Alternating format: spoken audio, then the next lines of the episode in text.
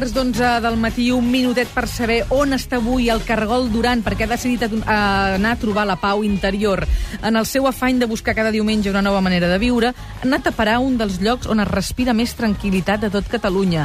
És el monestir budista del Garraf, perquè ja sabeu que cada casa és un món i la Laura Duran les vol descobrir totes. Josep i Laura, on sou? Tati, Ai, Tati, estic molt, no, ara? Sí. estic... Sí, estic connectant amb l'infinit. Soc al monestir del Palau Novella, al Parc Natural del Garraf, 120 hectàrees de natura, declarat refugi de fauna salvatge, i aquí avui m'han demanat que hem de respectar els 5 vots practimoksha, que són no mateu, no robeu, no mentiu, no manteniu conductes sexuals incorrectes. I, i no prengueu productes tòxics. Aquestes són avui les 5 normes que he de complir per seguir aquí fins a la una del migdia i l'objectiu és parlar amb persones que saben què és el nirvana i que m'expliquin com puc arribar-hi jo també. Laura, per cert, d'aquestes cinc conductes, n'hi ha una que no compleixes. Tu mateixa. Ah, quina és? Ja ho saps. Deu ser... No ho diguis. No, no, no ho dic, no ho dic. Però t'he de dir que aquesta que no compleixo, de la qual no en sóc ni tan sols conscient, avui la compliré, eh? Perquè Ah, si no, només no podria quedar-me aquí. allà, eh? Ha de ser només sí, mentre només és estiguis mentre allà. estigui aquí, sí. Ah, Ara vas mateix no tranquil·la. sé si ho pots sentir, però sí, Sí, sí ara més estem fent una meditació conjunta amb diverses persones que venen de fora al monestir, però que són de la comunitat budista i que venen a compartir un diumenge amb els monjos i monges que viuen aquí. Coneixerem tres històries diferents a partir de dos quarts de dotze i avui, a poc a poc, sembla mentida, jo tindré pau interior, connectaré amb l'infinit, arribaré al nirvana i potser no tornaré a treballar aquest programa. Porta'ns alguna cosa, eh? Si vas al Nirvana, vinga, que vagi bé. Vinga. Adéu. Fins ara. Adéu. Laura, sé que t'hauré- que t'hagués fet moltíssima il·lusió si avui a l'estudi escoltant Masoni en directe, però em sembla que, Efectivament. que on ets tampoc estàs gens malament. No, estic molt ben acompanyada. Com t'he dit, avui he intentat connectar amb el meu jo interior, he intentat arribar al nirvana, però el primer que m'han dit és que jo avui no arribaré al nirvana, siguem realistes. Aquí hi ha gent que fa 20 anys que té contacte amb el món del budisme i m'explicaven que encara no han arribat al nirvana, o sigui que es veu que amb la meditació que farem a última hora no en tindré prou per arribar en aquest famós nirvana. Però vaja, deixant de banda això, mm. avui el que hem vingut a descobrir és com es viu en un monestir budista, en aquest cas estic al Palau Novella, on viuen 11 homes i 11 dones, entre monjos, abat, novicis, etc.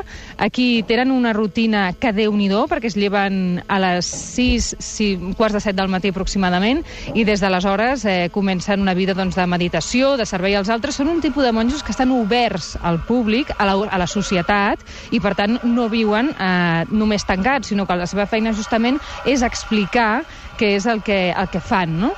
I avui tinc alerta a mi, a Nagmo Sering Tashi, que és la Susana López, directora de programa docent i serveis religiosos, a Nakpa Jamian Rinchen, que és el Jordi Gómez, i a un vell conegut del programa, que és un estudiant, en Carles Ruiz, que es diu Dorje Sanguie. Per què? Doncs perquè tots tenien un nom, el nom que, que tenien quan van néixer, amb el que els van batejar, però de seguida que van conèixer el budisme i es van passar aquí al budisme, doncs es van canviar el nom. Els saludo a tots tres, bon dia a tots tres.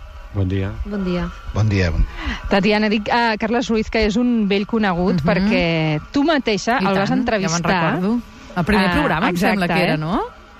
Jo diria que sí, que era el primer programa al mes de setembre, on explicàvem canvis de vida. Ell en va fer un d'important, que va ser justament quan va conèixer aquesta nova cultura. Eh, Carles, explica'ns una mica què fas tu aquí, breument. Bueno, des del voluntariat el que porto és la coordinació de l'àrea de cultura i medi ambient. O sigui, totes les activitats que estan relacionades amb aquest camp, doncs col·laboro amb la comunitat per poder-les portar a terme. En canvi, ell però no és monjo, no viu aquí cada dia, i els que sí que ho fan són la Susana i el Jordi, que un dia fa, en algun cas 20 anys, en algun cas menys, van descobrir aquesta nova manera de viure i fins al punt que ara van vestits, Tatiana, com t'imagines, el Xavi Rossinyol ja té alguna foto que de seguida veureu al Facebook, van vestits de dalt a baix d'un color més aviat granatós, combinat amb, amb groc i blanc, i no són calbs, és a dir, que no es rapen, perquè són un tipus de monjo, com dèiem, que està obert al públic, no són mm, rapjuns, sinó que són nach, nakpas, ho estic dient bé, això? Sí, exactament, Nakpa, la tradició Nakpa. I aleshores eh, vosaltres podeu portar pèl, no? Sí, no, no és, els rapjunts tenen l'obligació de rapar-se el cabell, entre altres molts vots, i nosaltres, com que vivim integrats a la societat, doncs externament no és estrictament necessari i el que fem és intentar compartir la nostra experiència personal a la pràctica espiritual doncs, en qualsevol àmbit de la societat i aquelles persones que s'atansen, que venen, que volen compartir amb nosaltres. Susana, explica'ns una mica com és el vostre dia a dia i com ho feu per arribar a la gent, tenint en compte que vosaltres sou un tipus de monjo que viu cap en fora una mica, eh? Doncs, com deies, doncs, el nostre dia comença sobre les 6 del matí i el que fem és... Eh, tenim quatre àrees fonamentals que treballem que són en filosofia, meditació, en el món dels rituals i el karma yoga o la meditació d'acció, el voluntariat que és aquesta ajuda, eh, revertim tot allò que anem aprenent a través de la meditació, filosofia i rituals, ho revertim amb la societat. Llavors, doncs, dintre d'aquestes àrees, doncs, cada dia doncs, ens aixequem, tots junts fem una oració, un ritual conjunt, i després comencem eh, cada un amb la seva àrea, amb allò que, que es dediquen en, en el voluntariat, doncs eh, dediquem la major part del, del dia.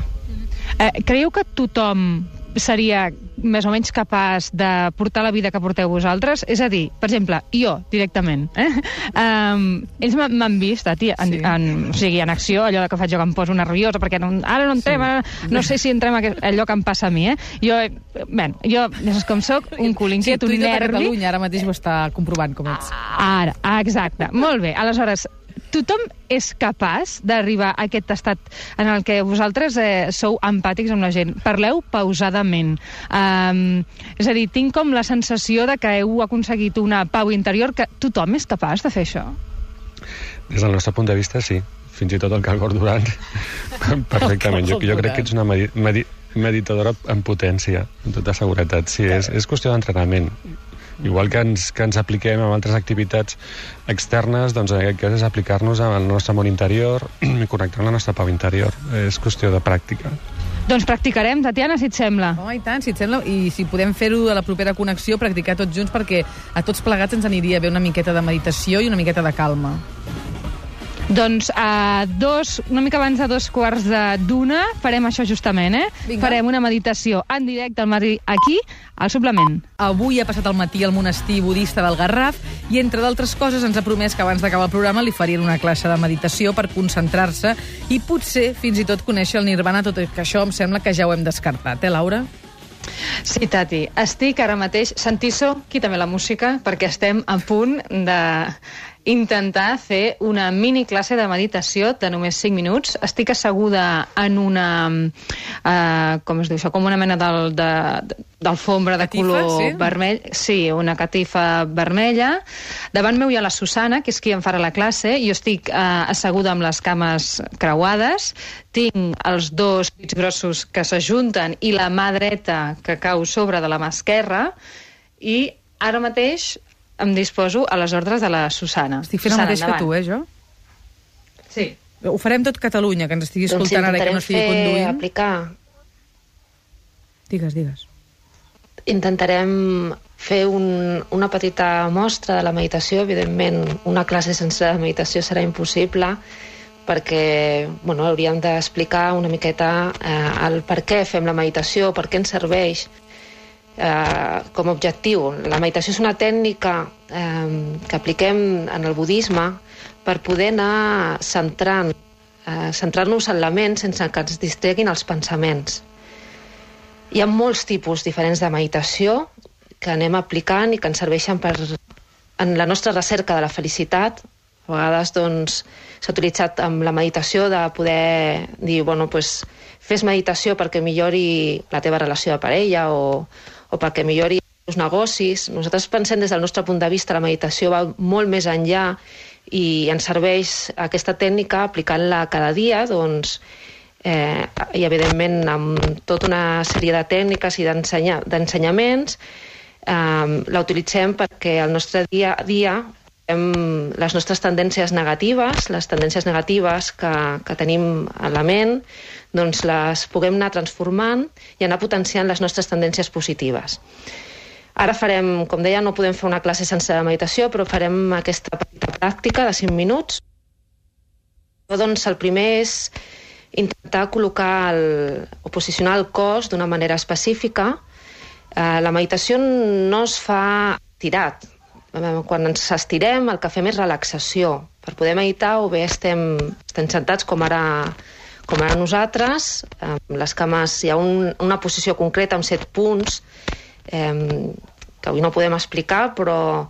I si no, si, si algú pues, mas de genolls o alguna, alguna dolència física, doncs també es pot fer sentat en una cadira. L'important, o a sobre el llit, però sobretot eh, no estirat. L'important és que l'esquena estigui ben recta. Mm? Eh, posem l'esquena ben recta,